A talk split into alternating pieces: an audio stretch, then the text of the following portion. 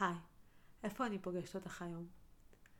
התרגשתי לגלות ששומעים את הפודקאסט לא רק בישראל, אלא גם באוסטריה ובארצות הברית וגרמניה ואנגליה. אני חייבת לציין שזה מרגש אותי ממש. אז אה, קודם כל, אם יש לכם, אה, אתם שומעות את הפודקאסט דרך iTunes, אה, אני אשמח שתדרגו אותו, כי בפרטי אני מקבלת המון המון פידבקים מהממים, ככה שעוד מי שמתעניין במונטסורי ודובר עברית יכולה לראות את הדירוג ואז אולי לשמוע בעצמה. אז איפה אני פוגשת אותך היום? מה את עושה עכשיו? אה, דיברתי על זה בפודקאסט הקודם, מה את עושה בזמן שאת שומעת את הפודקאסט. אה, אמרתי שאני אוהבת לעבוד עם הידיים ולהקשיב, מעניין מה את עושה כרגע. האם אה, את מרגישה שההקלות ואולי חזרה לשוק של איזושהי שגרה חדשה מרגשות אותך, מפחידות אותך? האם החלטת בכלל לא להכניס את הילד של החזרה למסגרת, כי הזמן שהות מחוץ למסגרת אה, הייתה חוויה כל כך טובה. אולי את כל כך שמחה שיש סוף סוף מסגרת ואפשר קצת זמן לעצמך ולנשום וקצת לברוח, כל כך נחוץ לנו לפעמים. אולי uh, כל מיני מילים דברים uh, שנאמרים מכיוון החדשות מלחיצות אותך, uh, אותי כן. אני עושה כל מה שביכולתי כדי להימנע מאינפורמציה שהיא לא רלוונטית עבורי. לצערי הרב החדשות במדינה שלנו זה פשוט עודף, אה, עודף, עודף, עודף ועומס של דברים. אה, ועדיין הדברים מגיעים אליי, ואני תוהה לגבי הדברים שאני שומעת. מריה מונטוסורי, אחד הדברים המהותיים שהיא דיברה עליהם זה החינוך לשלום. אני אדגיש לזה פרק בהמשך. אה, אני אגיד רק בקצרה, מוסליני מאוד רצה שמריה מונטסורי בזמנו אה, תפתח אה, שיטה שתוכל, אה, שיוכלו לגדל ילדים שהם חיילים, והיא לא הסכימה והיא ברחה מאיטליה. אנחנו, כל אחת מאיתנו צריכה לעשות את מה שהיא צריכה כדי קודם כל להשפיע על הבית שלה ועל הגרעין שלה. וזה להראות חופש. אני מודה שאני ממש מתקשה ברגעים האלה לעשות את זה ולהרגיש את החופש הזה שאני רגילה להרגיש במדינה שאני חיה, במדינת ישראל. להרגיש את השלווה ולדעת שיש מקום לקול שלי ואיזה אושר ומזל יש לי שאני יכולה להיות בחינוך ביתי עם הילדים שלי ושיש לי את הבחירה הזאת. אני כל הזמן בהודיה על זה, אז uh, אני שולחת אתכן uh, לבדוק את עצמכן איך אנחנו יכולים יכולות תחת כל הדבר המוזר הזה וכל ההגבלות וצמצום של החופש שלנו, עדיין לאפשר לילדים שלנו את החופש וללמד אותם לחופש ולתחושת עצמאות. איך עדיין אפשר לעשות את זה? איך אנחנו יכולות לתווך את זה בכל זאת? איך אנחנו יכולות לדבר על חשיבה ביקורתית כלפי מה שקורה מסביבנו? אה, כן, גדול הדבר הזה. אז אה, היום אנחנו נדבר על אה, מיתוסים. מה, האם יש משהו מיוחד שצריך שיהיה בבית, או שצריך להיות גודל של בית מסוים, או אחרת אני לא אוכל לבשם מונטסורי. ודבר נוסף שאני רוצה לדבר עליו זה איך אני עושה מונטסורי בבית עם הילד שלי, איך החוויה שלי ומה עובד לי ומה לא עובד לי. אה, אני רוצה קצת לדבר על, ה... אה, על unschooling ואיך זה נושק למונטסורי. אה, כל אחד תחליט בשביל עצמה. על זה נדבר היום. יאללה, מתחילות.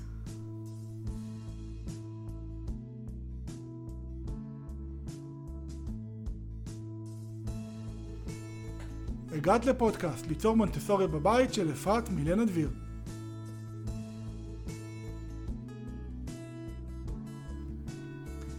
אז אה, קודם כל המיתוס, בואו נדבר על זה. אה, כשמריה מונטסורי פיתחה את הדבר המדהים הזה ועבדה עליו כל כך הרבה, היא התחילה לעבוד קודם כל עם אוכלוסייה אה, שבזמנו הייתה נמצאת בבית שהוא שבעצם ילדים שהיו צריכים טיפול פסיכיאטרי, ההגדרה לא בהכרח הייתה מדויקת נכון לתנאים, לימים שלנו, כי בזמנו כל ילד שהיה קושי להגיע אליו הוגדר כלא בר למידה ופשוט הכניסו אותו ל... אה, לבית, אה, אני לא יודעת אפילו איך לקרוא לזה בצורה שהיא צורה נעימה, כי זה לא. אה, ומריה מונטסורי הגיעה לשם כדי לראות, וכשהיא הסתכלה, והיא היא הייתה שם, זה, זה סיפור שחוזרים ושומעים אותו הרבה פעמים. אה, שמעתי את הסיפור הזה בריאיון של אה, סימון דייוויס עם הנכדה, אני חושבת, של מריה מונטסורי, שזה משהו שהוא תועד בספרים גם וביומנים שלה. היא הסתובבה בסיור במבנה כזה, והילדים הקטנים אה, פשוט חיפשו כל הזמן אה, פירורים ודברים על הרצפה. ומי שעשה איתה את הסיור אמר, תראו, תראי אותם, הם כל כך, אה, אין להם מושג, הם לא מבינים מה, הם, הם, הם אולי הם, הם רעבים, אבל למה הם רעבים? נתנו להם לאכול לא מזמן, אז למה הם עושים את זה? למה הם מחפשים אוכל על הרצפה? ומריה מטסורי אמרה, אז הם לא, לא, לא רעבים, הם פשוט צריכים גירוי שכלי, הם מחפשים איך לגרות את עצמם, איך להעסיק את עצמם, והם המילה להעסיק פה מאוד אה, חשוב לשים עליה דגש. להיות משמעותיים, אנחנו כל כך חשוב לנו להיות משמעותיים.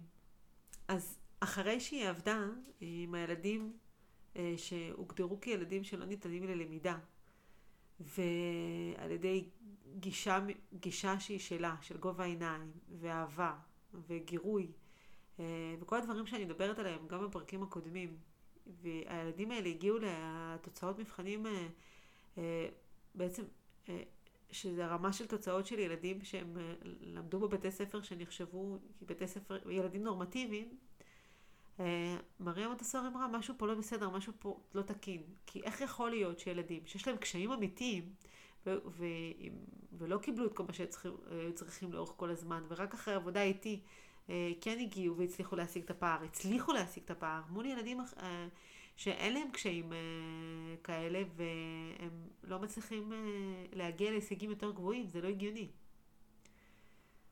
למה אני מדברת על כל הדברים האלה? כי גם אז, בשלב הזה, כשהיא התחילה לעבוד עם ילדים, היא המשיכה לעבוד עם ילדים שמעוטי יכולת. לכן, מאוד מאוד חשוב לזכור, ואני רוצה להזכיר, מונטסורים מיישמים בכל העולם, בכל מיני קצוות, ואם מדברים על מדריך מונטסורי, אפשר לי, תמיד תמיד איפה אפשר ליישם מונטסורי ואיך. לא אומרים חייבים ליישם מונטסורי תחת כללים ככה וככה. אומרים מונטסורי אפשר ליישם תחת, אה, מתחת לעץ ב, עם כיפת השמיים ואבנים. למה? כי מונטסורי זה כל, קודם כל הבסיס. גם בקבוצה שלי מה עשינו עם המונטסורי, וגם פה בפודקאסט, אה, וגם בליוויים שאני עושה, אה, גם בליוויים הפרטיים וגם בקבוצות, אני שמה דגש מאוד מאוד גדול על הבסיס. הבסיס הוא ה... זה הדבר במונטסורי.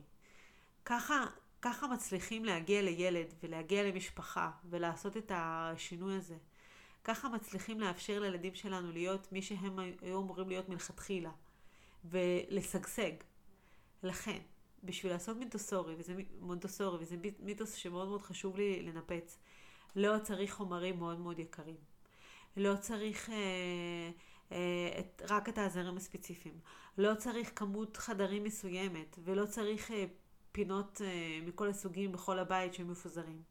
מה שצריך זה קודם כל הבסיס, ואז בהתאם ליכולת ולגבולות הבית ולערכים של המשפחה, מוצאים את הדרך, את הקצב, אני קוראת לליווי שלי, הקצב, קצב מונטסורי משלך. למה? כי כל משפחה צריכה למצוא את הקצב שלך, את הקצב שעובד לכם. לכן, מונטסורי בעיניי מתאים לכולם, וכל אחד יכולה לקיים וליישם מונטסורי בבית. כל אחד תעשה את זה בדרך שלה, דיברתי על זה בפרקים הקודמים, האם אה, אפשר לקחת הכל, לא חייב, אה, זאת אומרת חייבים לקחת הכל, אה, ו... או שאפשר לקחת רק חלק. וזה מתחבר מאוד לפה, כי מונטסורי זה אם אני מדברת בגובה העיניים עם הילד שלי, אם אני גורמת לו חיבה וחיוך מה... ואני הולכת אחריו בכל מה שקשור, שמסקרן אותו. עם הילד שלי, כל מה שהוא רוצה לעשות כרגע זה לגעת ולחוש מרקמים, ואני עונה לו על הצורך. או שהוא רוצה, הוא ילד מאוד אתלטי, מאוד פיזי, אז אני רואה איך אני בעצם מאפשרת לו לחוות את זה את הכי, הכי טוב, ולא להגיד לו, רגע, אתה לא יכול לעשות את זה פה, אתה לא יכול לעשות את זה פה, אתה לא יכול לעשות את זה פה. אלא להפך, אני מחפשת לו את הדרכים, איך הוא יכול להפעיל את עצמו הכי הרבה. אה, ללכת אחרי הילד שלי, בגובה העיניים, עם חיוך ואהבה, ולעבוד, לאפשר אה, לנו, לאמהות, לעשות את התהליך שאנחנו צריכות כדי להיות אמיצות. לעשות מונטוסורי, אני חושבת, ליישם מונטוסורי, את צריכה להיות אמיצה. זה כן. את לא צריכה בית בגודל מסוים, את לא צריכה את העזרים הכי יקרים. את לא צריכה שהכל אה, ייראה כמו גן מונטסורי, מסגרת מונטסורית, ממש ממש לא. את כן צריכה להיות אמיצה. כי לקפוץ זה סוג של leap of faith, זה, כמו לקפוץ מצוק בתחושה. כי את אומרת, אוקיי, אוקיי, אפרת, יופי, את מדברת מאוד מאוד יפה, אני רואה שאצלך זה עובד, נהדר. אה, אני אדבר אחר כך על איך מונטסורי עובד אצלי, אז את, אה, תוכלי לקבל קצת איזושהי הבנה, אבל זה הדוגמה שלי, המטרה שלי, בדוגמה שאני נותנת לאמהות שאני מלווה, ולכל מי שאני רוצה להעביר את המסר הלאה, זה להראות שכל אחת יכולה. גם מי שמאוד מאוד מסודרת וגם מי שמאוד מאוד קשה להם סדר. גם מי שבסבבה על זה שהדברים נשפכים מתלכלכים כי אחר כך אפשר לנקות וגם כזאת שמאוד מאוד קשה לה. כל אחת כלפי עצמה עושה את התהליך. והאומץ הוא, זה להאמין בעצמך שאת יכולה. אני מבקשת מכן לסמוך על הילדים שלכם. להגיד, הילד שלי מסוגל הרבה יותר ממה שאני חושבת, אני לא צריכה לדחוף אותו לשם, אני רק צריכה לאפשר לו להיות הוא, ואני אראה כמה הרבה הוא מסוגל. כי אם אני אגיד לילד שלי, לא, אתה לא יכול כי אתה קטן, אני לא, לא אוכל לראות את זה. אבל אם אני אשב על הידיים ואני פשוט אתן לו לנסות, אחרי שהדגמתי כמובן, אז אני רואה פלאים וניסים, ואני פשוט בהלם כל פעם מחדש, כי וואו, איזה אושר אני מגלה, מה הילד שלי מסוגל לעשות. אז כן, צריך אומץ. כדי להאמין בעצמך שאת מסוגלת לעשות את השינוי הזה, שאת מסוגלת לעשות תהליך כלפי עצמך, אני מסכימה, צריך המון אומץ. אה, אני מקווה שיש לך את האומץ הזה, שאת יכולה פשוט להעיז ולקפוץ מצוק כזה, שאת, בהבנה שאת יודעת שלמטה, במקרה שלנו זה אם קופצים מצוק זה למטה, מחכה לך, מחכה לך ידע והבנה והמון גילויים וגם אתגרים, כן? ברור. אבל אנחנו שם כדי לתפוס אותך, את לא לבד. אה, אז לא, את לא חייבת משהו מאוד מיוחד. אני עכשיו נמצאת אה, בליווי הנוכחי שלי, יש אישה נהדרת, מקסימה, היא עושה תהליך מדהים בעיניי, והיא מלמדת אפילו אותי, אני כל הזמן אומרת את זה, שאני לומדת גם מהקבוצה וגם מהליוויים שלי. היא מלמדת אפילו אותי את העשה זאת בעצמך, את כל ה-DIY המדהימים שהיא עושה, היא עושה את זה בכזו קלות. לי יש איזושהי חשיבות בראש, בתור מדריכה מונטסורית, ואימא שמיישמת מונטסורי בחינוך ביתי, לייצר אה, עזרים שהם גם DIY, אבל הם עמידים יחסית. והיא עפה על עצמה, היא לא חושבת על זה, היא כרגע אומרת, אוקיי, לילדה שלי יש צורך. היא רוצה ללמוד בחדווה ועם חיוך, ואני מרגישה שאני לא מצליחה לעשות את זה. אבל בשביל זה באתי ללמוד מונטסורי. היא, היא מייצרת עזרים על ימין ועל שמאל, זה פשוט לוקח לה ימים. תוך ימים היא יצרה כמות עזרים שאני לא יצרתי ב, ב, בתקופה שאני נמצאת במונטסורי, זה מדהים. ואני הכי ביצירתיות והכי אוהבת, זה מדהים כמה אנחנו יכולות וכמה מסוגלות. אה, כל פעם עולות בקבוצות הגדולות של מונטסורי, הבינלאומיות, עולות תמונות מאפריקה והמון המון מקומות בעולם שמיישמים מונטסורי. ואין שם את הזרים היקרים המדהימים של מונטסורי, אני לא מזלזלת בהם חס וחלילה, ויש בהם מקום מדהים בעולם שלנו. אבל זה לא הדבר שצריך לעצור אותנו. הרבה פעמים אנחנו נעצרות ועוצרות את עצמנו בגלל אה, פחד, כי אנחנו רוצות שהכל יהיה מושלם. אם זה לא יהיה כמו בתמונה בפינטרסט, אז אני לא אעשה את זה. אני לא אעלה את זה, אני לא אשתף את זה, אני גם לא אשאל אם זה מספיק טוב או לא מספיק טוב, אני פשוט אה, יישב פה בחושך בפינה עם עצמי ואתבאס. כי אני ארגיש שלא משנה מה עשיתי, זה לא מספיק טוב. אה, אחד הדברים שאני כל הזמן אומרת בקבוצה, כשמשתפים ועושים, עושים. אה, מיישמים מונטסורי, עושים את השינוי בסביבה, מתחילים לעשות תרגילים, הכל, רק אז לומדים. זאת הדרך, אין דרך אחרת. כי בתיאוריה אפשר ללמוד המון דברים ולשמוע, אבל רק כשאת חווה את הבניית התרגיל ואת העבודה ואת הניסוי ועוד פעם ועוד פעם והדגמה ואיך זה ילד שלי מקבל ומה הייתי צריכה לשנות, כל הדברים האלה קורים רק אחרי שמנסים. אז כן, צריך אומץ, צריך להיות מאוד אמיצה בשביל ליישם מונטסורי. אה, אני מקווה שאת אמיצה מספיק. אני מבטיחה שיש לי מספיק אומץ בשביל מלא מלא, המון המון נשים, באמת, אני מוכנה לשלוח אותו בדואר או במייל, או פשוט לצעוק לכם פה, אומץ, אומץ, אתן יכולות. אוקיי, אז ניפצנו מיתוס, אני מקווה. אה, אז מתחבר, אה, בדיוק מה שאמרתי קודם, אז איך אני עושה מטוסורי בבית? מאחר ואני מגדלת ילדון שהוא אה, אצלנו בבית מקבל את המתנה הזאת, שזה מתנת המטוסורי, שכמו שאמרתי בפרקים הקודמים, כל המשפחה נהנית מזה, כי יש שינוי מאוד מאוד מהותי בשיח שלנו, בהכל. כי בדיוק כמו שאני מצפה מכן לעשות תהליך, ואני עושה בעצמי. ואני אומרת עושה, כי זה נכון שאני כבר הרבה זמן בדרך, ואני נמצאת על הסקאלה במקום מאוד מאוד, שאני מרגישה טוב עם עצמי, עדיין אני בדרך, כל אחד מאיתנו בדרך כלפי עצמה. יש לי עוד מה לשפר, ואין פה שלמות. אז איך אני מיישמת מוטסורי בבית, בחינוך ביתי? אחד, היה לי דבר ראשון שעשיתי, וזה כבר עשיתי במהלך הלימודים, וזה עשיתי התאמת הסביבה. חשוב לציין שאת התאמת הסביבה עשיתי עוד לפני שהתחלתי ללמוד, ודייקתי את זה עוד קצת ועוד קצת ועוד קצת, וזה משהו שאני כל הזמן אומרת גם בליוויים שלי וגם אה, באתגר וגם בקבוצה, שהדיוק הזה של הבית והשינוי הוא כל הזמן קורה, כל הזמן. אה, אפשר, יש פוסט בקבוצה, אני אשים אותו ב...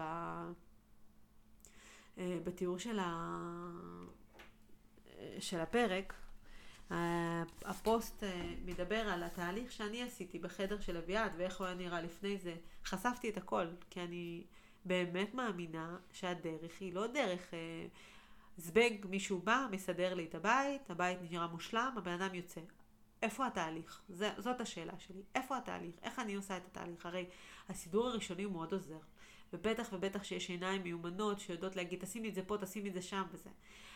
אני בליווי שלי כרגע, אחד הדברים, אחד המשימות זה באמת לעשות התאמת סביבה, והרבה נשים ממש מרגישות שזה קשה להן, כי שינוי זה דבר קשה, וגם כשאת כבר משנה ואת לא בטוחה שזה עובד, ו- ו- וזה מזיז, זה ממש ממש תחושה של, אה, איך לומר, של המון רגשות מעורבות שם, המון קושי.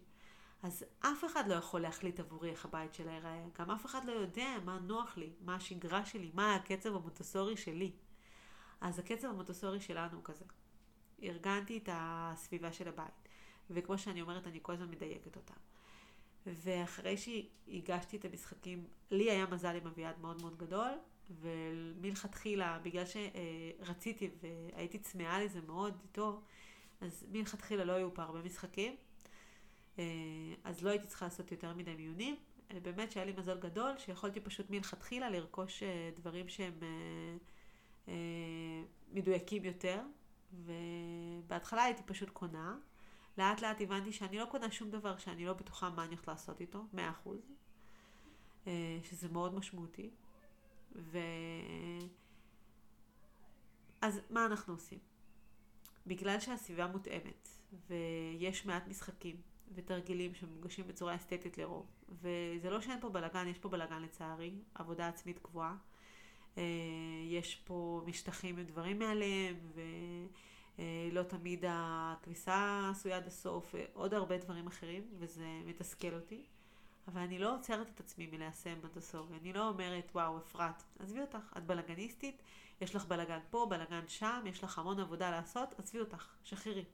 אני אומרת להפך, הילד שלי יזכה הרבה יותר אם אני אעשה מונטוסורי בתוך הדבר הזה, כי לפחות חלק מהחלל יהיה מסודר, מעולה.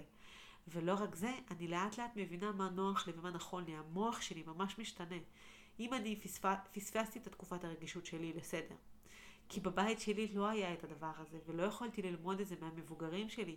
אז עכשיו אני לומדת את זה ממונטוסורי, לאט לאט, טיפין טיפין, עוד חלק בבית, עוד חלק בבית, עוד מקום. עבורי לשים משהו במקום, זה פשוט מטורף. באמת. הדבר הכי קל לי זה לשים את הדברים של אביעד על המדפים. זה הכי פשוט בעולם. פשוט כי לוקח, וואו, חמש דקות לסדר את כל הדברים שלו, אם במקרה ולא סידרנו אותם ביחד. ויש ימים כאלה ויש ימים כאלה. אז איך אני מסיימת מונטסורי? בדיוק כמו שאני מלמדת אתכן. אני הרבה יורדת לגובה העיניים. אני עושה התרמה, אני מכינה אותו לדברים שהולכים לקרות. אני מסתכלת ממש מנצלת את הזמן שלנו ביחד. אה, אני כרגע מאוד מאוד עסוקה. זה אומר שהזמן שלי, שהוא באמת שאני נטו פנויה לצפות בו ולעשות תצפית, הוא מצומצם יחסית. אז באותו רגע אני משתדלת להיות בביינג, אני להיות נוכחת מאוד ולראות מה קורה ומה הוא עושה ומה מעניין אותו. ואז אני כותבת לעצמי אה, איפה הוא נמצא מבחינת כישורי חיים, מבחינת החיזוק של היד שלו. אה, האם הוא מצליח או לא מצליח להתלבש לבד, אה, האם הוא צריך עזרה בדברים מסוימים או שהוא מסתדר, האם הוא צריך עזרה כי הוא כרגע רוצה את הזמן שלי ביחד כזמן איכות, או אה, כי הוא רוצה להתאמן על זה. גם על זה אני שמה לב. התפקיד שלי המון המון המון זה להסתכל ולראות ולכתוב בצד ולסמן uh, uh, מה שנקרא mental notes, דברים שאני אוכל אחר כך בסוף היום לכתוב ולהעביר לדף כדי שזה לא יעמיס לי על המוח. גם המלצה חמה מאוד. אה, אנחנו יוצאים החוצה. אה, בימים כתיקודם יוצאים הרבה החוצה, ולא כי אנחנו רוצים לברוח מהבית, כי כיף, כי הטבע זה החלום, וזה העולם, וזה מטעין אותנו, ואנחנו צריכות את זה כל כך, והילדים שלנו צריכים את זה עוד יותר מאיתנו. אנחנו נפגשים עם חברים שלנו. אה, החברים שלנו, בימים כתיקונם אנחנו נפגשים איתם לפחות פעמיים בשבוע, זה, זה המצב, כאשר לפחות פעם בשבוע אני והחברה, כל אחד עסוקה בעניינים שלה, והילדים משחקים ביחד, וזה מדהים. אה, ימים כאלה מרגישים לי מאוד מוזרים, כי אני מאוד שם, אני נוכחת, אם צריך עזרה, אוכל, עניינים, הכל, אבל המוח שלי נמצא במקום אחר, כי אני לרוב עובדת, אה, ואז אני בסוף היום פתאום מרגישה שאני התגעגעתי לאביעד, אני מרגישה מין ניתוק, וזה מצחיק. זה ממש מצחיק, כי אנחנו בשינה משותפת ובחינוך ביתי, והזמן שלנו ביחד הוא מאוד מאוד גדול, ועדיין אני בימים כאלה מרגישה באמת אה, מוזר, אני מרגישה ניתוק. אה, זה רק מראה לכם שלא משנה מה אנחנו נעשה כאימהות, תמיד יהיו איזה שהם רעשים ברקע, גם לי. אה, שאולי אני לא עושה מספיק, אולי אני לא מדויקת מספיק, אולי אפשר היה לקבל יותר. אז בנוסף למפגשים שלנו בחוץ אה, עם, ה, עם החברים, אנחנו פשוט זמן בבית, או מטיילים ברחוב. והדבר המדהים הוא שגם אה, הנטייה הטבעית לחקירה, וגם תקופת המוח הסופג. אנחנו מבלים המון בלעצור רגע ולראות איזשהו פרפר או פרח, המון המון כלי תחבורה. אה, אביעד עכשיו נמצא בתקופה שמאוד מעניינת אותו אה, מעניין אותו איך הדברים בנויים בפנים, מה, מה השלבים, מה, מה צריך לקרות כדי שתהיה תוצאה. זה מדהים. אה, לדוגמה, איך אנחנו קוראים ספר כשהוא היה בן שנה, נגיד, אם אני משווה, קוראים ספר כשהילד בן שנה וחצי, או שנה, ואחר כך בגיל שנתיים, ואחר כך שנתיים וחצי, ואחר כך שלוש ושלוש וחצי, וכל חצי שנה רואים קפיצות גדילה מאוד מאוד גדולות במוח, והשאלות משתנות.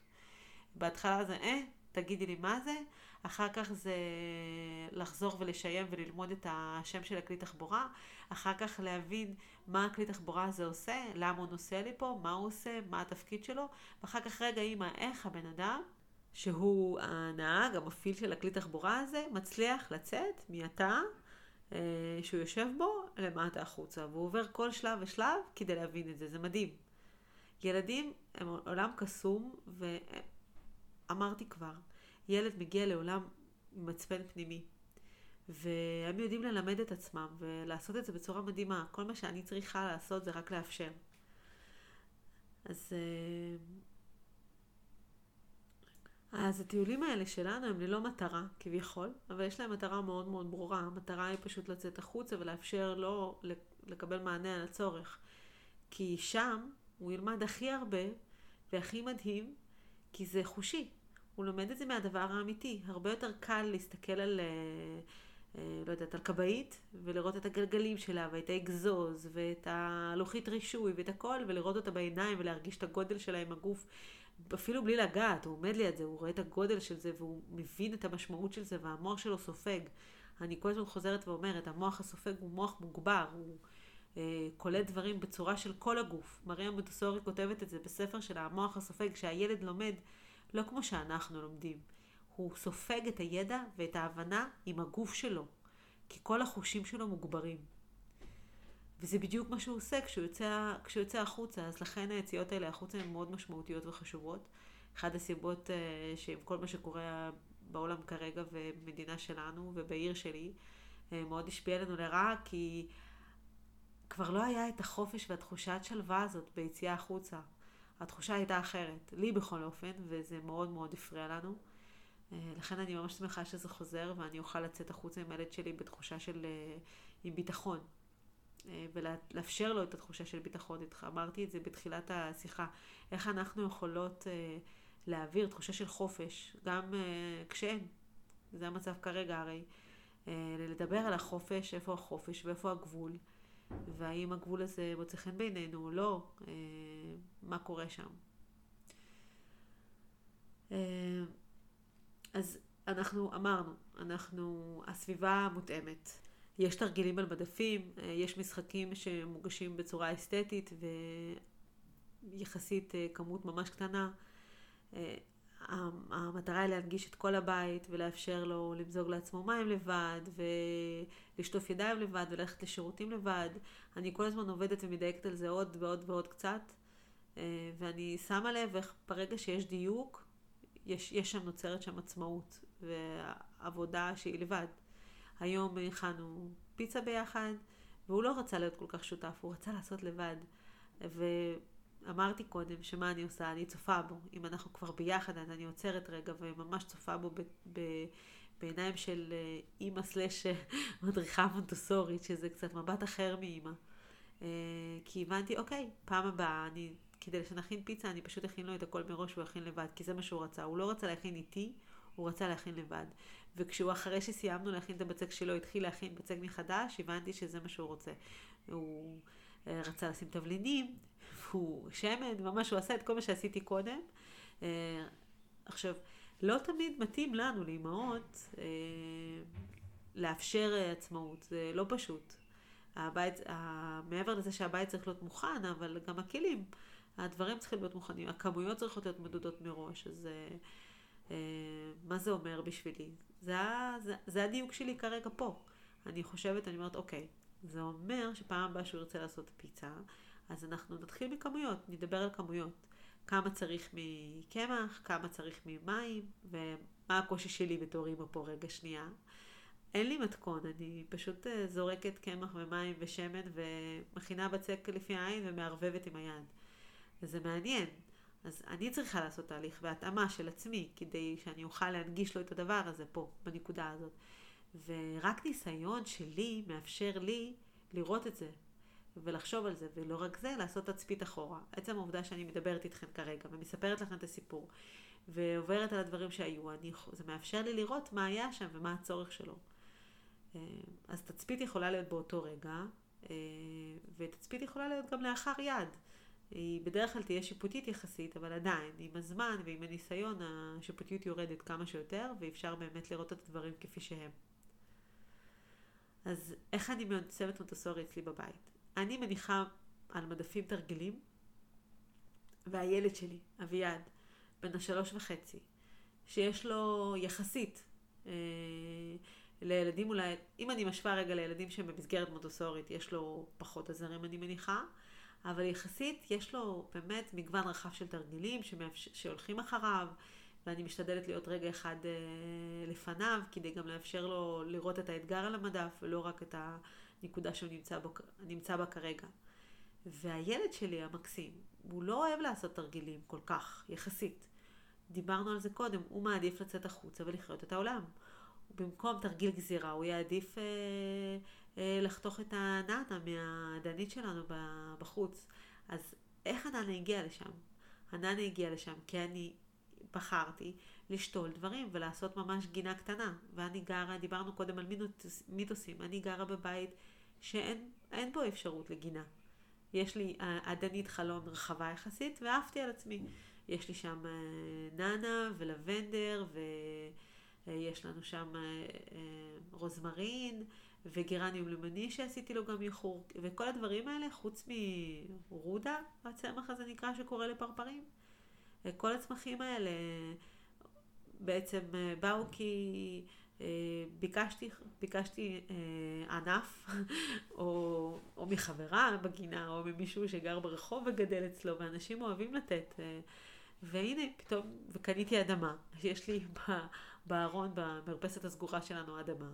וכל פעם אני שמה שם, שותלת עוד משהו ועוד משהו, ולרוב הוא איתי ביחד, ולפעמים לא. ואני בסדר עם זה, כי בדיוק כמו בדוגמה של הבצק. זה בסדר שאני לא אומרת, אביעד, אתה רוצה לשתול, והוא אומר לי לא, ואני הולכת לשתול והוא רץ אחריי כי הוא רוצה להיות איתי.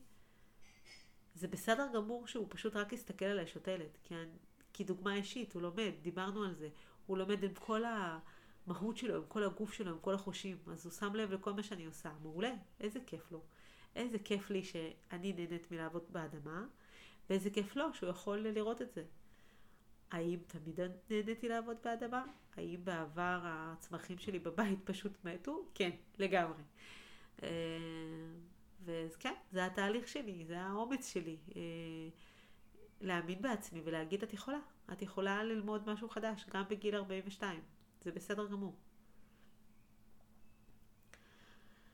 מה עוד אנחנו עושים uh, כיישום מונטסורי? Uh, יש לנו המון ספרים בבית, uh, דיברתי על זה, אני חושבת שבעבר, יש לנו המון פינות ספרים בבית. לדוגמה, בבית קלאסי מונטסורי, יש פינת ספרים אחד, שהיא פינת שקט, וכל הספרים מאוחסנים באחסון שקט, של ילדים אני מתכוונת. אביעד מגיל מאוד מאוד קטן, ברגע שהוא למד לטפס, הוא הגיע לארון הספרים הגדול. מה שקרה שאני, לקח לי המון זמן להבין מה, מה הבעיה. אני מיישמת מוטוסורי בבית. אה, וזה היה עוד לפני שלמדתי. אה, ואני יודעת שצריך לעשות פינת ספרים. זה, ש... זה הקלאסי. ועשיתי פינת ספרים, ופינת ספרים לא עבדה. היו לנו ספרים בכל הבית, ערימות ערימות של ספרים בכל הבית, כי כל פעם היה סוחב את הספרים. עכשיו, זה נכון שיכולתי לאחסן אותם לאחסון שקט לגמרי, להעביר אותם. אממה, אה, אנחנו מדברים פה על ארון ספרים שהוא ביתי, והוא גם היה במקום שהוא מוסתר יחסית, הוא לא היה נגיש אליו. זה אומר שיחסית זה היה סוג של אחסון שקט. יכולתי לגמרי להכניס את זה לקופסאות ולשים את זה בארון, כמו שאני עושה עם צעצועים. אבל רגע, משהו בי, היה לי קשה לעשות את זה, אני מודה, כי זה ספרים. וספרים זה משהו שצריך להיות נגיש. אה, אז מה שקרה, שכן עובד כרגע, לקח לי המון המון זמן להבין את זה, זה שאני צריכה ליצור פינת ספרים במקום שאנחנו בדרך כלל קוראים ספרים. מה עשיתי? תצפית. הסתכלתי וראיתי, רגע, איפה נערמות הספרים? בדרך כלל. אז ראיתי שיש ערימת ספרים בסלון, ליד הספה שלנו. ראיתי שיש uh, ערימת ספרים בחדר שינה. וככה ידעתי שבעצם זה הצורך, מעבר לפינת הספרים שיש לו בחדר, שהיא מאוד נוחה, כי יש לו שם מקום שהוא נגיש בשבילו, הוא יכול לקחת את הספר מתי שהוא רוצה, אבל אביעד אוהב לקרוא ספרים בעוד מקומות, זה כיף עבורו.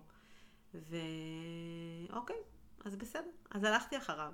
אחרת מה שעשיתי, שוב, אני בבית שלנו, אה, יכול להיות שבבית אחר זה עובד נהדר. אה, במקום, אם יש מקום שנערמים פה ספרים, כנראה שיש שם צורך לקריאת ספרים, כי כנראה שזו הפינה הטבעית של הבית, אה, שזה יתרחש.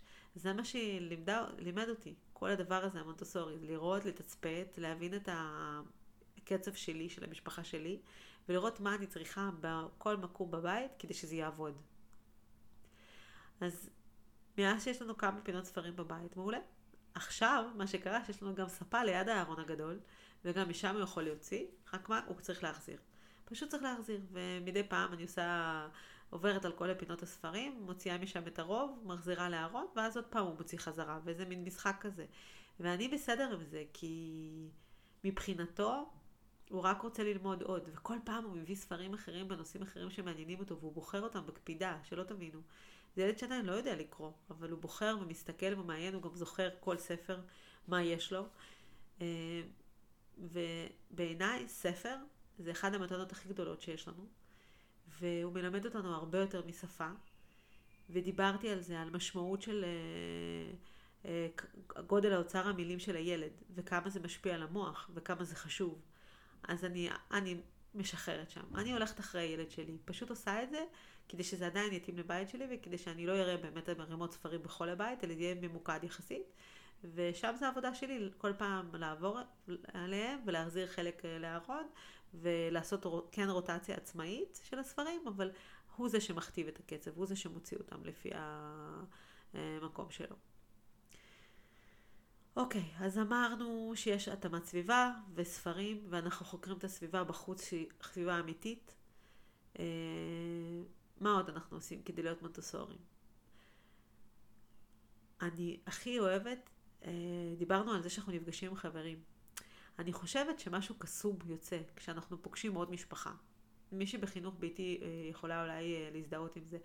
כי לנו יש את הסט הערכים שלנו, את העקרונות שלנו, באנו אליו ואנחנו מאוד בטוחות בה, אולי לא, אולי אני נמצאת באיזשהו מקום שאני לא בטוחה לגבי, ואני עושה דרך, ואני חושבת כל פעם ובוחרת, רגע, מה הערך שאני רוצה להעביר, מה המטרה, מה חשוב לי, כי נכון שרוב החיים שלנו אנחנו חיים בלי לחשוב יותר מדי, אבל צריך, אנחנו צריכות לחשוב, אנחנו צריכות שנייה לעצור ולהגיד, רגע, מה שאני עושה יש לזה משמעות, יש לזה מטרה, מה המטרה של זה? אה, ולאט לאט התהליך שקורה זה שפתאום גם הדברים שאנחנו עושות בהיסח דעת, הן הופכות להיות הדברים משמעותיים. ו... ולא בהכרח בלי לשים לב למה שקורה עם הילד שלי באותו רגע. אז מה שקורה במפגשים, שאני פתאום יש את העולם שלי ויש את העולם שלה, ולה יש את הידע שלה שיכולה לחלוק עם הילד שלי, ולי יש את הידע שלי שאני יכולה לחלוק עם הילדים שלה. וכל פעם שיש מפגשים חברתיים, עבורי זה עובד מצומצם. אני פותחת שנייה סוגריים. יש משפחות של חינוך ביתי שאוהבות את המפגשים הגדולים. אני מודה שכל אחד וה... והקצב שלו, לי זה ממש ממש קשה. אני לא מוצאת את עצמי שם, אני בדרך כלל... אה, אה, מוזר לי. אה, שוב, זה, זה שלי לגמרי, ואני מצאתי את הדרך שלי של מפגשים קטנים, אחד על אחד, מקסימום שתיים על שתיים, לא, לא יותר מזה, וזה עובד לנו נהדר. ואז מה שקורה, שמה שאני, הפואנטה היא שאני, הילד שלי וגם אני פוגשת עוד uh, גישה מעניינת. לרוב, כשאני בוחרת אה, משפחה שאני רוצה להיפגש איתה, אני קודם כל מכירה אותה קצת, ולהבין שאני באמת סומכת על הבן אדם הזה, שאני סומכת עליה, ואני יכולה לדעת, אה, עם הזמן כמובן, אה, שהדברים שהיא אומרת ואיך שהיא מתנהגת לילדים שלה, זה דומה לגישה שלי. וזה עוזר לי מאוד, וזה היתרון, הפריבילגיה הענקית של חינוך ביתי, שבאמת אנחנו יכול, יכולות, באמת זכות גדולה, לבחור את האנשים שאנחנו נמצאים איתם במגע. באמת מתנה. אני חושבת שדיברתי מספיק על איך אני מיישמת חינוך ביתי, אה, חינוך ביתי מונטסורי אצלנו. אה, אני יכולה להגיד שזה מאוד מאתגר. אני אדבר רגע על המקום שלי, כאימא, בתוך הדבר הזה. אה, אביעד מקבל שבט, יש לו את האחים הגדולים שלו, שבדיוק אני מקליטה את הפודקאסט ואח שלו יצא איתו החוצה לטיול כדי שיהיה יחסית שקט בבית. אה, ואחותו, שבדיוק אה, עצרתי את הפודקאסט וביקשתי ממנה, בבקשה, בבקשה, ילדתי, אני אוהבת אותך, תודה שאת מסדרת את המטבח, אני רק צריכה שנייה לסיים את הפודקאסט, ופשוט הרעשים יופיעו בפרק, אה, כי את מצחיק. ויש את האיש שלי, שהוא כרגע עובד מהבית, והוא כל הזמן, והוא עדיין כל הזמן זמין פה לקחת לי שירותים, שם לצחוק קצת, יש לנו, חייבת להגיד שקורונה הביאה לנו קצב מדהים כרגע, שיש פה. אז הוא מקבל את מה שהוא צריך, אה, ואני, אני אימא בחינוך ביתי, ואנחנו משפחה שהילדים הגדולים יצאו מהחינוך הפורמלי, זאת אומרת שהם לומדים אה, במסגרת אה, שהיא לא בית ספר, אבל כן מקבלים ממשרד החינוך את האפשרות להמשיך ללמוד בקצב שהוא שלהם, שזה מדהים בעיניי. ומה שקורה פה זה שלי, אני צריכה להיות מאוד מאוד מאוד יצירתית כדי לייצר זמן, אחד, שהוא שלי, שתיים, כדי לעבוד, אה, ושלוש, אה, גם העניין הכלכלי, אנחנו צריכים ממש להיות, אה, לחשוב איך ומה ולמה, כדי שדברים יעבדו כמו שצריך. אני חושבת שזה אחד הדברים, ה... הדברים המהותיים שצריך לחשוב עליהם לפני שיוצאים לחינוך ביתי, איך עושים את הדבר הזה. וזו הסתגלות, בדיוק כמו שלוקח זמן לילד שיצא ממסגרת, להסתגל לדבר הזה, מה זה להיות מחוץ למסגרת, ואיך אני בתוך הבית, מה אני אוהבת ומה אני לא אוהבת, ומה חשוב לי ומה לא חשוב לי, מה אני רוצה לעשות ומה אני לא רוצה לעשות. אותו דבר גם אנחנו כמשפחה, לוקח זמן להסתג, להסתגל. אה, חייבת לציין שזה לא פשוט עבורי בכלל, ויש ימים שאני מרגישה שאני פשוט שחוקה מאוד מאוד, אבל בעיקר כי אני צריכה אה, לדייק את עצמי בניהול הזמן שלי. זה הכל. וגם הרצון שלי לעשות הכל. אני רוצה גם לנהל את הקבוצה, וגם להקליט את הפודקאסט, וגם להיות עם אביעד בחינוך ביתי ולהיות נוכחת. אה, וגם אה, לשים לב לגדולים שלי, ולאיש שלי, ולעצמי, וזה המון דברים. אה, חברה שלי צוחקת עליי ואומרת לי שאני עושה עבודה של שלושה ארבעה אנשים. יכול להיות, יכול להיות שהיא צודקת. אה, חייבת לציין שהקלטת הפודקאסט נותנת לי אנרגיה, זה לגמרי זמן עצמי. אה, אני יודעת שאני כביכול מעבירה על הידע ואני נהנית מזה מאוד. אה, אם יכולתי עכשיו לדבר עם אחת הנשים ולעשות תהליך באותו רגע בזמן הזה, במקום לעשות את הפודקאסט, הייתי, הייתי אומרת, וואו, אני לא יודעת מה אני בוחרת, באמת, כי מכל הדברים האלה אני שואבת המון המון המון המון אנרגיות. אז זאת הדרך שלנו. היא מאוד מעניינת ומצחיקה אה, והיא מלאת אתגרים. ולמרות שאביעד הוא ילד שהוא ילד מונטוסורי לגמרי, הצורה שהוא מדבר והעצמאות שלו והצורך שלו בפושבק הוא ממש, אה, כשמשהו לא מצא חן בעיניו זה לא, לא עובר על סדר היום, זה מאוד מאוד ברור. אה, הוא מעדיף ללמוד מהטבע ומהעולם ולא מהתרגילים. והתרגילים נועדו שם רק כדי להטות לה את המעבר יותר בקלות, כדי שהוא יוכל לתרגל פה ושם, אז הוא מתרגל מעט. ואני יודעת, רק בזכות ש... זה שאני ממשיכה ללמוד ולחקור ולהתעניין ו... והניסיון שלי, שזה, יש כל מיני סוגים של ילדים. יש ילדים כמו אביעד שהם uh, עושים תרגיל שניים וזהו, ויש ילדים uh, שהם ישבו ויעשו רק תרגילים על מדפים. זה, זה מה שמעניין אותם. וכל אחד, מה... הדבר המדהים הוא שכל אחד מהילדים שלנו הוא שונה, וזה מופלא. יש ספר מדהים שחברה השאילה לנו הביתה, שנקרא צמריקו, ומדברים על, אם אני מגבילה את זה לעולם הילדים, אז מדברים שם על ילד שהוא פשוט עושה דברים בדרך שלו. וכולם מתלוננים, ובאים ואומרים לו, אבל למה עשית את זה ככה, ולמה עשית את זה ככה, אבל מה יקרה? והוא כל הזמן אומר, נכון שזה נפלא, נכון שזה נפלא, אז... Uh, זה בדיוק ככה אני מסתכלת על העולם של חינוך ביתי. זה מעולה להיות שונה. זה מעולה לעשות את הדרך, את הדרך שלך. זאת אומרת, לעשות את הדרך שלך בקצב שלך, כולל להיות אימא בחינוך מונטוסורי שמיישמת את זה בצורה טיפה שונה מהאימא ליד. אה, וזה זה פשוט זה. אין לי מה לחפור על זה יותר. אוקיי, אז אה, בואי נדבר על אה, מה זה, מה זה unschooling רגע, ואיך זה מתחבר למונטסורי. אה, ככה, unschooling זו גישה. עכשיו, המילה גישה היא מאוד מאוד רחבה, כי יש, כמו במשפחות בחינוך ביתי, אין אף משפחה שדומה לשנייה, כל אחד, כל משפחה בוחרת את הדרך שלה ואיך היא, איך, מה הערכים ומה חשוב ואיך הלמידה עוברת. גם ב unschooling יש המון המון גישות והמון המון קצוות. אני לא אדבר על unschooling כי... אה, אני לא מבינה בזה מספיק, אני כן אדבר על איך זה נושק למונטסורי. המהות ב unschooling, וזה אני כן יודעת, זה לאפשר לילד ללמוד בקצב שלו ודרך העולם, דרך הטבע, מתי שהוא רוצה, ולזרום עם הילד. עכשיו, פה אה, אני רק אומרת שאנחנו בתור אה, אימהות צריכות להיות מאוד זהירות ולקחת את האחריות הזאת ולהבין שכשאנחנו, כשאנסקולינג זה אומר שהילד שלי רוצה להתעניין במספרים, אני לא מוציאה לו חוברת. אלא אני מאפשרת לו ללמוד דרך הטבע.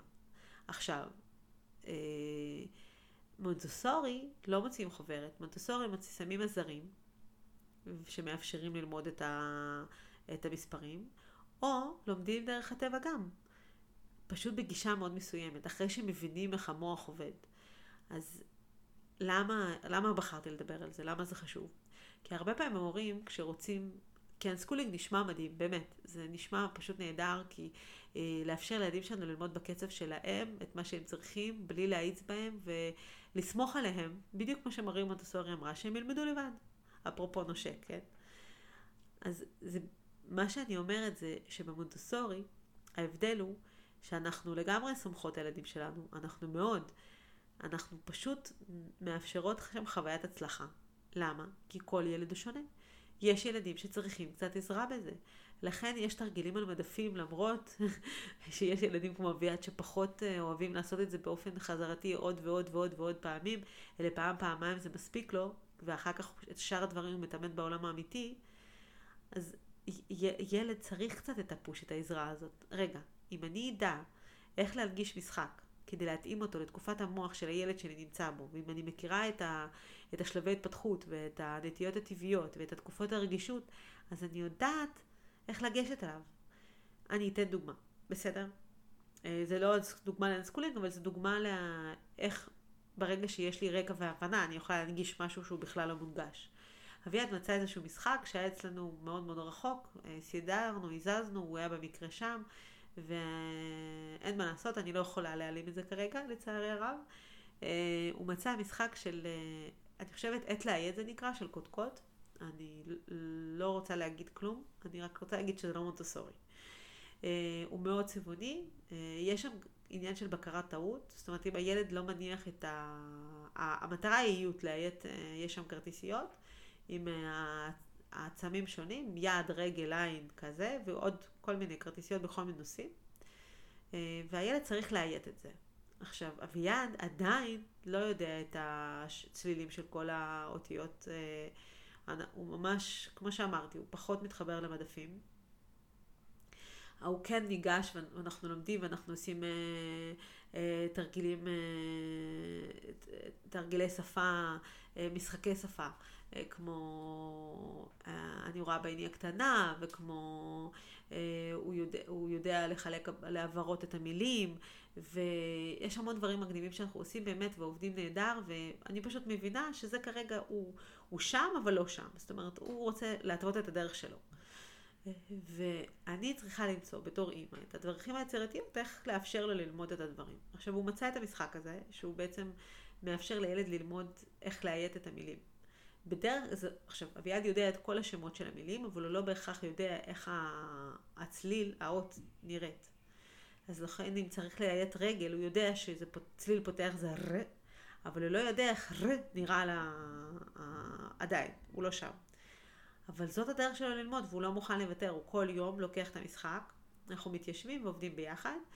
אה, אני בדיוק עובדת על הדרך איך אני מעבירה את זה למשהו שהוא יכול לעשות בעצמו. אה, אבל אני חושבת שזאת הדרך שלו ללמוד את, ה... את הצורה של הצליל, את, ה... את האות עצמה. אני פחות אוהבת את זה, ולכן אני עובדת על לעשות לו את אותו דבר בצורה מנדוסורית, כי אני מבינה שזה הצורך כרגע. ופה יש חמלה כלפי עצמי, כי יש לי 24 שעות ביממה, 7 ימים בשבוע, כך וכך דברים לעשות, אני צריכה להספיק, אז מה אני עושה? אני אומרת לו, לא, אני לא אלמד אותך ככה, כי זה לא מונטסורי, או דיבר, התחלנו לדבר על אונסקולים, אותו דבר, על אותו עיקרון, אני לא אלמד אותך, עזוב. או שאני אגיד, רגע, אני צריכה ללכת אחרי הילד שלי, אז אני אמצא דרך. אז אני יושבת איתו ואני מדגישה את הצליל פותח, ואז כשהוא שואל אותי מה עכשיו, ואז אני מצביעה ואני אומרת את הצליל הזה בקול, בדיוק כמו מונטסורי, ולמרות שזה דפוס, אני זורמת עם זה. אה, כן, עפנו מאוד לשפה. פשוט הדגמה של איך אני, אה, ברגע שיש לי את הידע וההבנה, יכולה להנגיש משהו שהוא בכלל לא, אה, לא משהו שאני אוהבת, או, או משהו שהייתי ממליצה עליו למשפחה שאני מלווה, או, או פה, או ב... בקבוצת פייסבוק מה עשינו עם המונטסורי.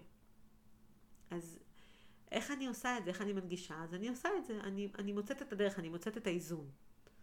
כדי לאפשר לו לחוות את מה שהוא רוצה. עכשיו, אם הוא היה מבקש לעומת זאת טלוויזיה, או פלאפון, או ממתקים, זה מאוד ברור עבורי שזה לא בהכרח יותר טוב בשבילו. אבל ברגע שהוא מבקש משהו שהוא נטו למידה, כי הוא רוצה לחקור ולהבין, והוא חוזר על זה, הוא עושה את זה כמה פעמים ביום. אה, עד כדי כך זה חשוב לו, אז אני מבינה לגמרי שאני צריכה לאפשר לו. אה, אז מה שאני הולכת לעשות, אני הולכת להניח ליד הדבר הזה תרגיל אה, דומה מונטסורי, כדי לאפשר לו לעשות את זה בעצמו, ונראה אם הוא ייקח ואם הוא יתפוס את החכה. אז למה התחלתי לדבר על, על unschooling כמשל? כי אנחנו הרבה פעמים בתור אימהות בוחרות איזושהי גישה. גם מונטסורי דרך אגב. חשוב לזכור, כשמריה מונטסורי דיברה על מונטסורי, היא כל הזמן אמרה שאני מדבר... מדברת על הילד, לכו אחרי הילד, ואתם כל פעם עסוקים בלהסתכל על האצבע. אבל אני מצביעה על הילד. תפסיקו לדבר על השיטה, ותפסיקו לדבר על איך עושים את זה. תתחילו להבין את הילד, מי הוא, ולהסתכל עליו וללכת אחריו. וזה בדיוק המהות, וזה מה שלפי דעתי זה, זה המהות של unschooling. אני אשמח אם מי שמיישמת unschooling ורוצה לתקן אותי שאני טועה, יאללה, בואי לרעיון, אני ממש אשמח לראיין אותך, אה, פשוט לפנות אליי בפרטי. אני אוהבת דיונים כאלה, זה ממש כיף. אני מזכירה שלהיות בחמלה כלפי עצמך, ולזכור שכל דבר שאני עושה יותר טוב עבור המשפחה שלי, עבור הילד שלי, עבור עצמי, כל דבר, אפילו באחוז אחד, זה נהדר. תודה רבה, מאוד נהניתי, מקווה שגם את. מוזמנת לעקוב אחריי בפייסבוק ובאינסטגרם, בדף שלי ליצור מונטסורי בבית. כמובן, אני מזמינה אותך לקהילה מה עשינו היום במונטסורי, קהילת פייסבוק שאני כל כך גאה בה ומאפשרת את התחושה ביחד והמון המון ידע. כדי לקבל אינפורמציה לליוויים שלי בקבוצה או בפרטי, מוזמנת לשלוח לי הודעה בליצור מונטסורי בבית. ודבר מאוד מאוד חשוב, ואני רוצה להזכיר לך משהו. ילדים לא מגיעים לעולם עם כוונות רעות. הם לא באים להתיש אותנו, לבחון את הסבלנות שלנו, לדחוף אותנו לקצה. הם באים אלינו עם צורך לאהבה, חיבור ושייכות. ציטוט קטן של רבקה הנאיש. ביי.